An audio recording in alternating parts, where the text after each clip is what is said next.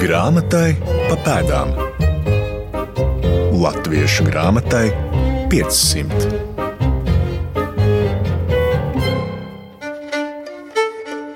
Sveicināti! Tēriņš! Ar sveicienu arī lībiešu valodā šīs dienas raidījumu ciklā Grāmatai pa pēdām veltīsim lībiešu literatūrai. Lībiešu grāmatniecība vairāku gadsimtu garumā ir gājusi paralēlu ceļu latviešu literatūrai. Šie ceļi ir krustojušies, un, protams, arī vēstures tumšās lapuses ir atstājušas ietekmi kā latviešu, tā lībiešu kultūrā.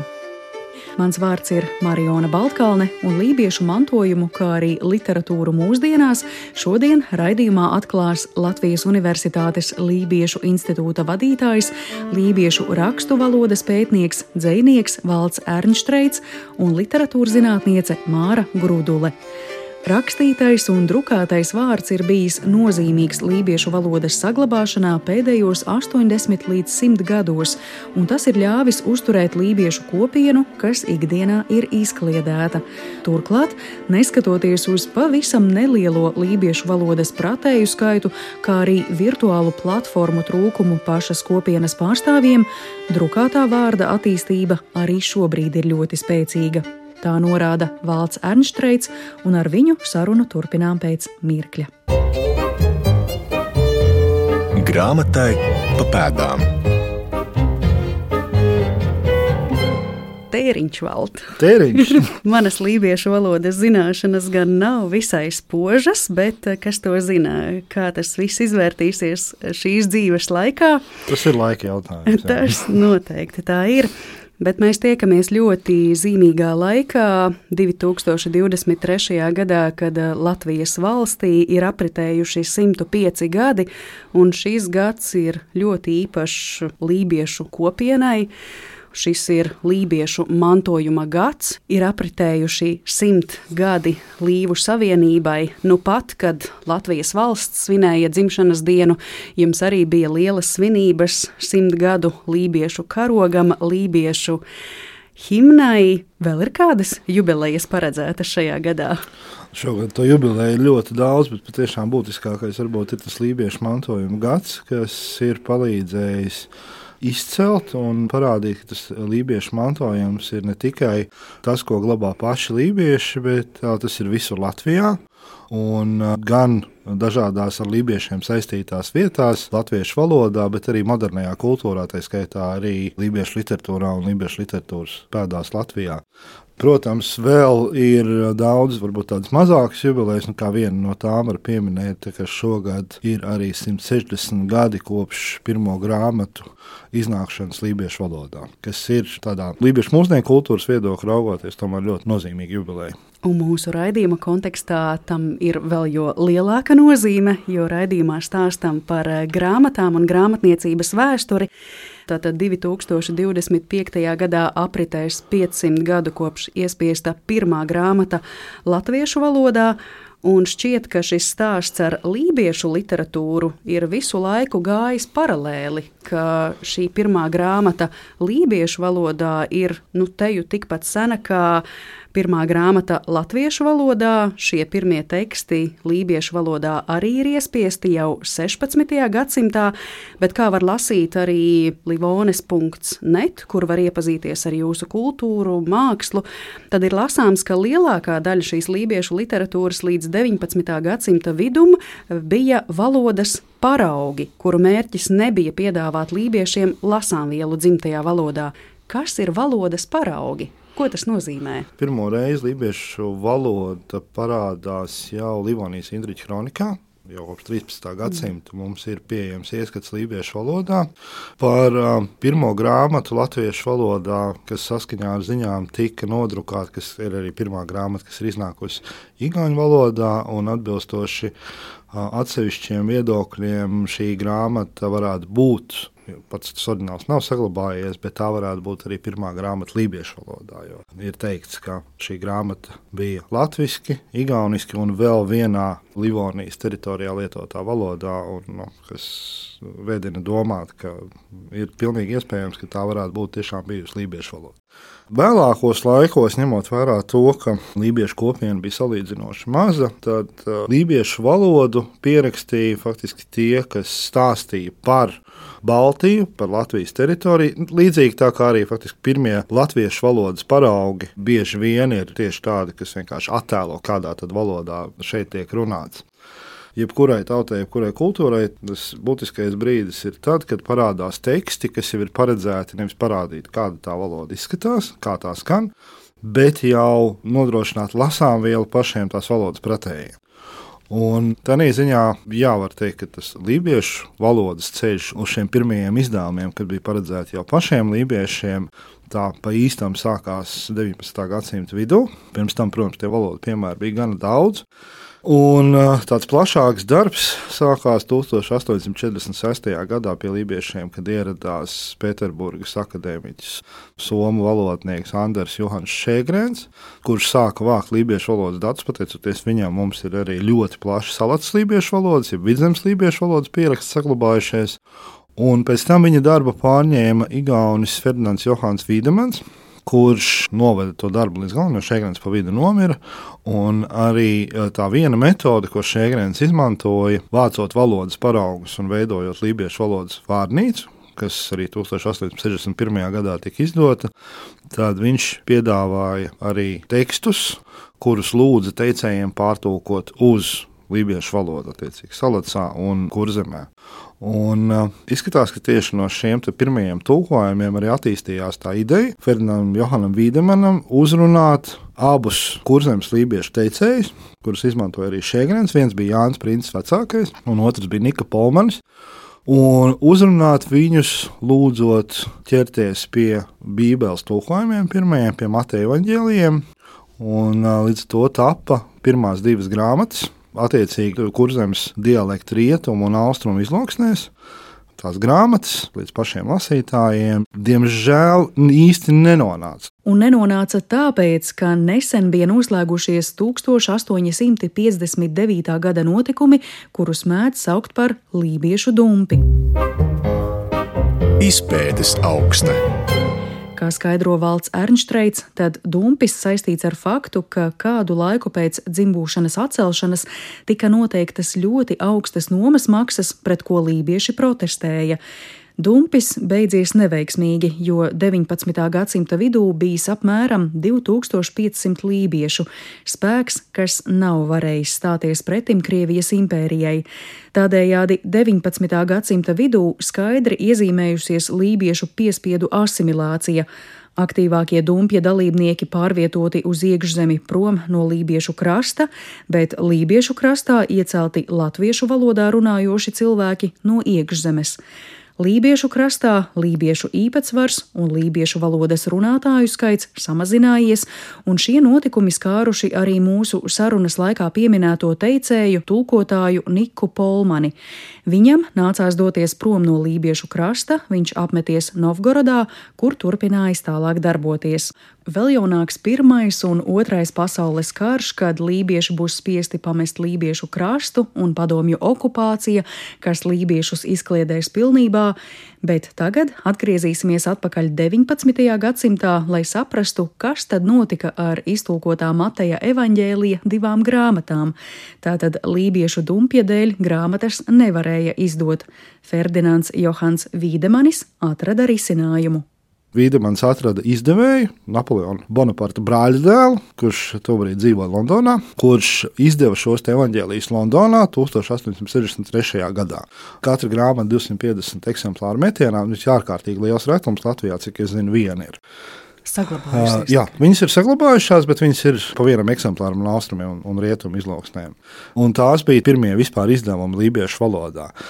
Vēlāk, jau tad, kad situācija bija normalizējusies, tad 1888. gadā Un spriežot pēc visa, tas bija Nika Polmanis kopā ar Vīdemanu, jo tur nav īsti precīzi zināms autors nekur norādīts, vai tas tulkotājs sastādītājs, bet um, izskatās, ka tiešām šis darbs tika veikts tā, ka tika paņemts tās pirmie divi tulkojumi un sakombinēts no tiem viens. Un tas tika publicēts Pēterburgā, vienīgā grāmata, cik lībiešu valodā, vecajā drukā, kas ir. Un uh, tas bija tāds pirmais izdevums, kas nonāca līdz pašiem lībiešiem. Un ļoti daudziem lībiešiem tā grāmata bija ārkārtīgi svarīga.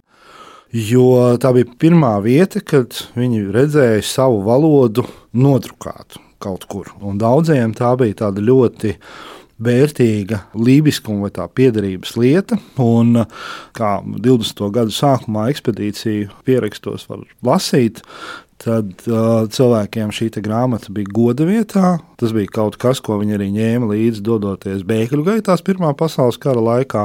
Un tā bija nozīmīgs tāds notikums un nozīmīgs simbols tam, ka tā tava valoda dzīvo arī šādā drukātā formā. Mm. Mēs arī, kad uh, par uh, literatūru latviešu valodā runājam, tad nenoliedzami nevaram aizbēgt no dažādiem reliģiskiem tekstiem, kur arī bieži vien pirmo reizi parādās šī latviešu valoda. Un eh, tad es domāju, ka tur varbūt ir tie divi mērķi. No vienas puses, gan latviešu, gan lībiešu valodas gadījumā cilvēkiem iedot tekstu, beidzot uzrakstītu viņu dzimtajā valodā, bet no otras puses tur jau varbūt ir arī šis baznīcas mērķis, evanģelizācijas mērķis, vai ne? Jā, tas arī lielā mērā tā arī strādāja, jo šo 888. gada evanģēliju izdeva Britu Bībeles biedrība, kas darbojās, un tur bija tieši šis mērķis - veidot izdevumu izdevumus šīm mazajām Krievijas impērijas tautām tobrīd. Tāpat laikā lībiešu valoda, faktiski baznīcas valoda, gandrīz nemaz nav bijusi. Svarīgā grāmatzīme. Tas bija viens īsts brīdis, 1930. gada pirmajā pusē, kad darbojās somu mācītājs, kurš bija apgūlis lībiešu valodu. Viņš mēģināja ieviest lībiešu valodu kā baznīcas un dievkalpojumu valodu, bet Līdz tam baznīcā lībiešu valoda netika lietota, lai gan, kas ir interesanti, tad neapzināta joma vai dziļāk nepētīta joma ir lībiešu valodas lietojums Baptistu baznīcā. Jo Lībiešu krastā vēsturiski tās ir trīs baznīcas, kas bija attiecīgi Lutāņu baznīca, Lutāņu baznīcas vairākas, kas bija kā pamatreliģiskais virziens pašai lībiešu kopienai, bija arī šī pareizticīgo baznīcas klātbūtne Kolkā bet arī šīs Baptistu draugs bija ļoti aktīvas. Šā Vēncpils brīvības muzejā ir apskatāms lielības Baptistu lūkšana nams, Pitragā joprojām arī šis Baptistu lūkšana nams ir.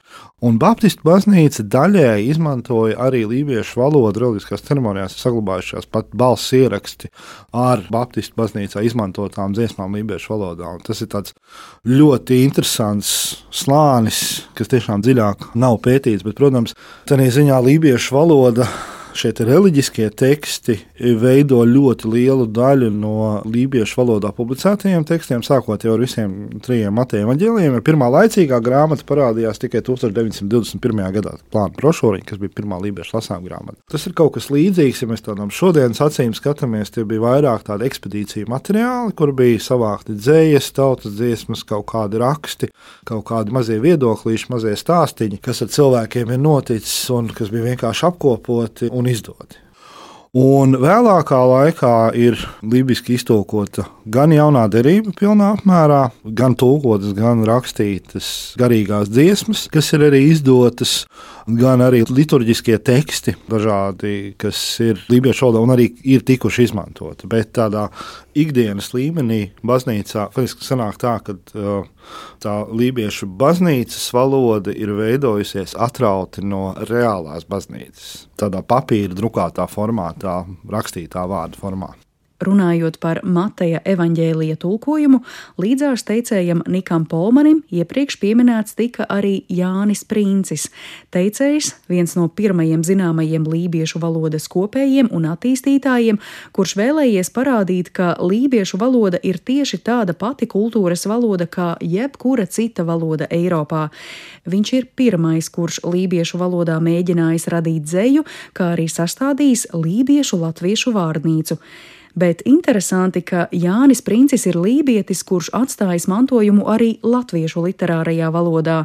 Jāpiebilst, ka te īpaši runājam par Jāni Princi vecāko, jo princi ir vairāki. Princi ģimenē vispār ir bijis ļoti būtisks devums, un viņi ir trīs. Restīvi, Jānis Princis vecākais, ir Pēters Princis un ir uh, Jānis Princis jaunākais.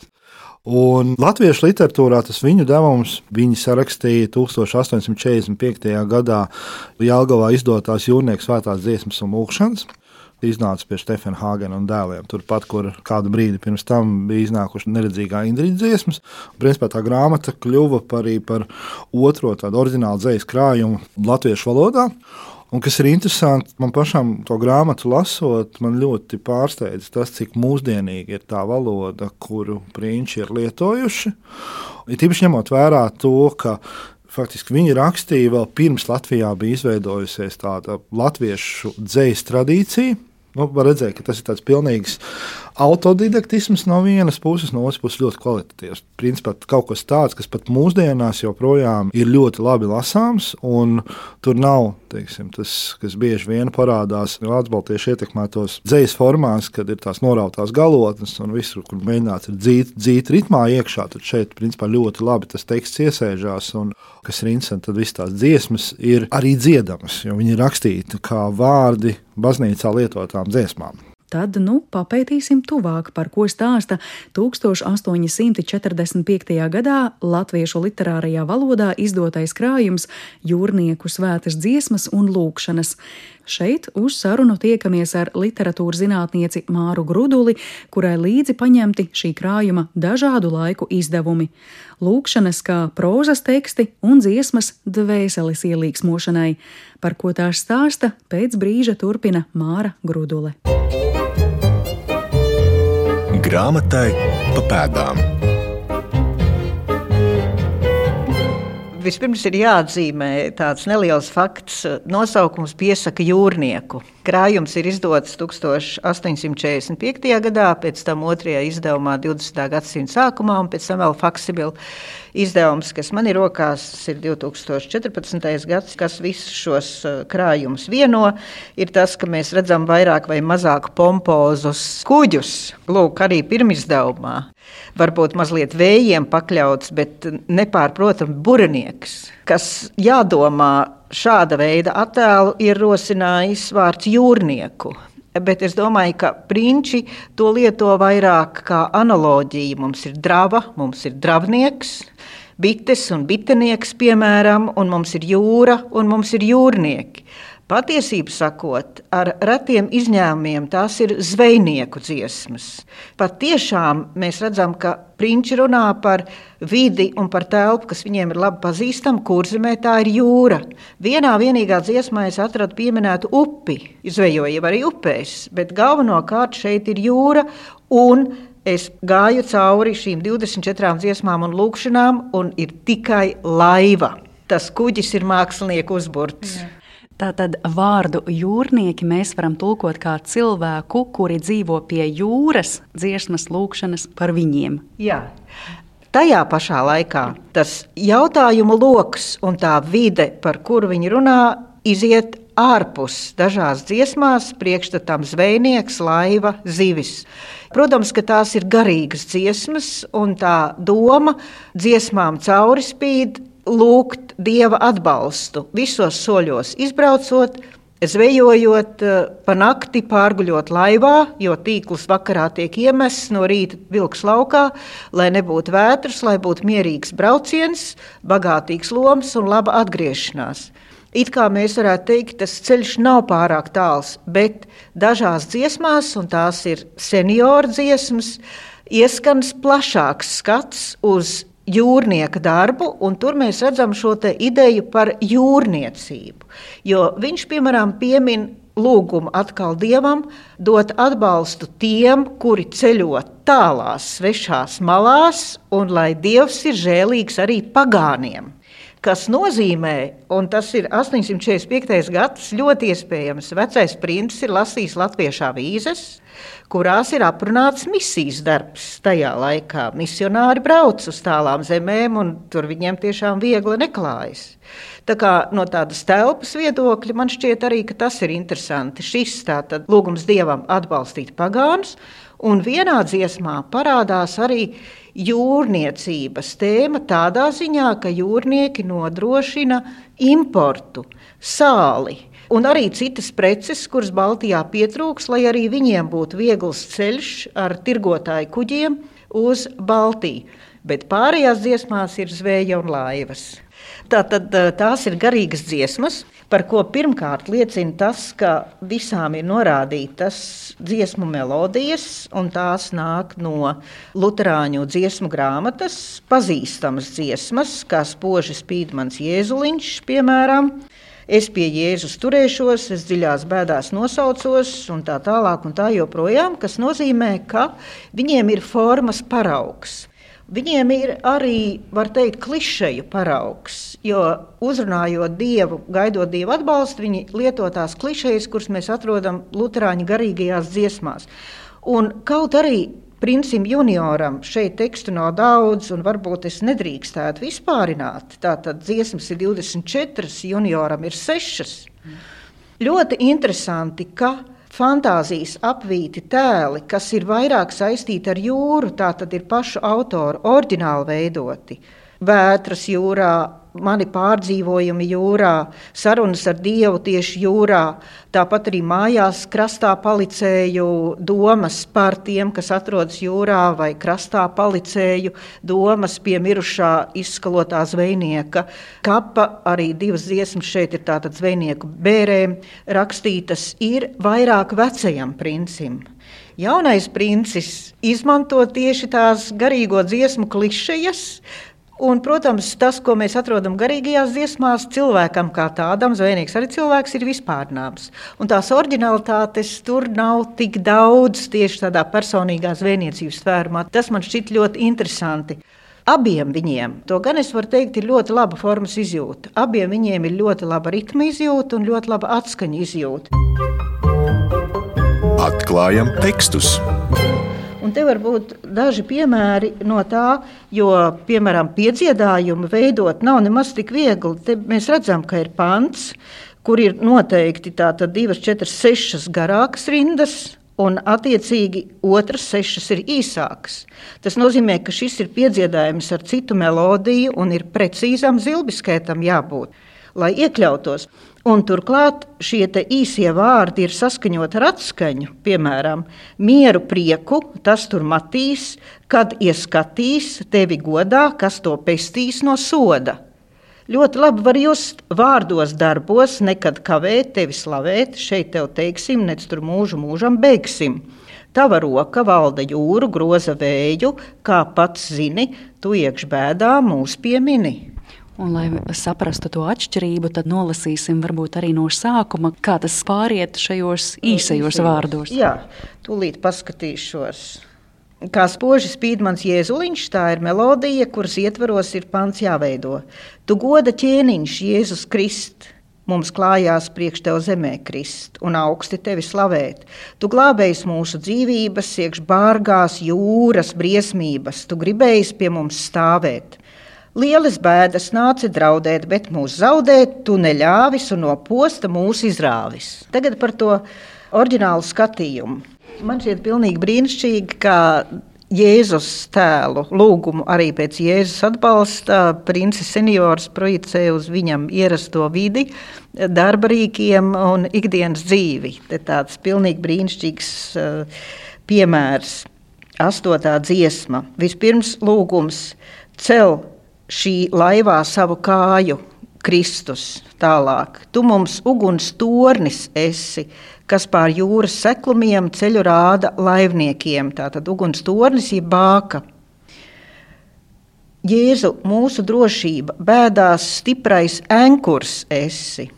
Tu vēl mūs uz rokām nesi, lai gan lieli viļņi kauts, Jēzus viņus apsaukt trauc. Un es, mans stūres, valdītājs. Enkurs, stūre, uguns tornis, bāka, tātad un laiva, kurā Jēzus ceļ savu kāju. Un galā es man stūres valdītājs, tagad un uz īstām mājām, bez tev maldās svešumā, tu ved debes ostiņā. Nu, bez tiem jūrniecības terminiem un zvejniecības nekur neiztikt, bet eh, šajā gadījumā tie ir ļoti spilgti epiteti, lai izmantotu tos lūkšanā, dziesmā. Jā, dziesmā, kas ir jūrnieku dzīvi atklājoša. Mm. Nu, un, protams, viena dziesma ir veltīta arī latviešu, kurzemes latviešu, vidzemes latviešu, latviešu vispār eh, netikumam dzeršanai. Arī tātad eh, jūrniekiem, zvejniekiem vēlams tomēr būt eh, sātīgākiem. Un, uh, tur tiek, uh, kas man šķiet arī ļoti jauki, nevis visa dziesma par zvejniekiem, kuri pārāk daudz aizraujas ar plītēšanu, bet uh, princis seniors norāda, ka plītē arī arāji, plītē arī strādnieki, un zvejnieki ir tikai vieni no tiem, kuriem mēdz šāds netikums piemīt. Kā turās tagad zvejnieki, kā nesātīgi plītnieki?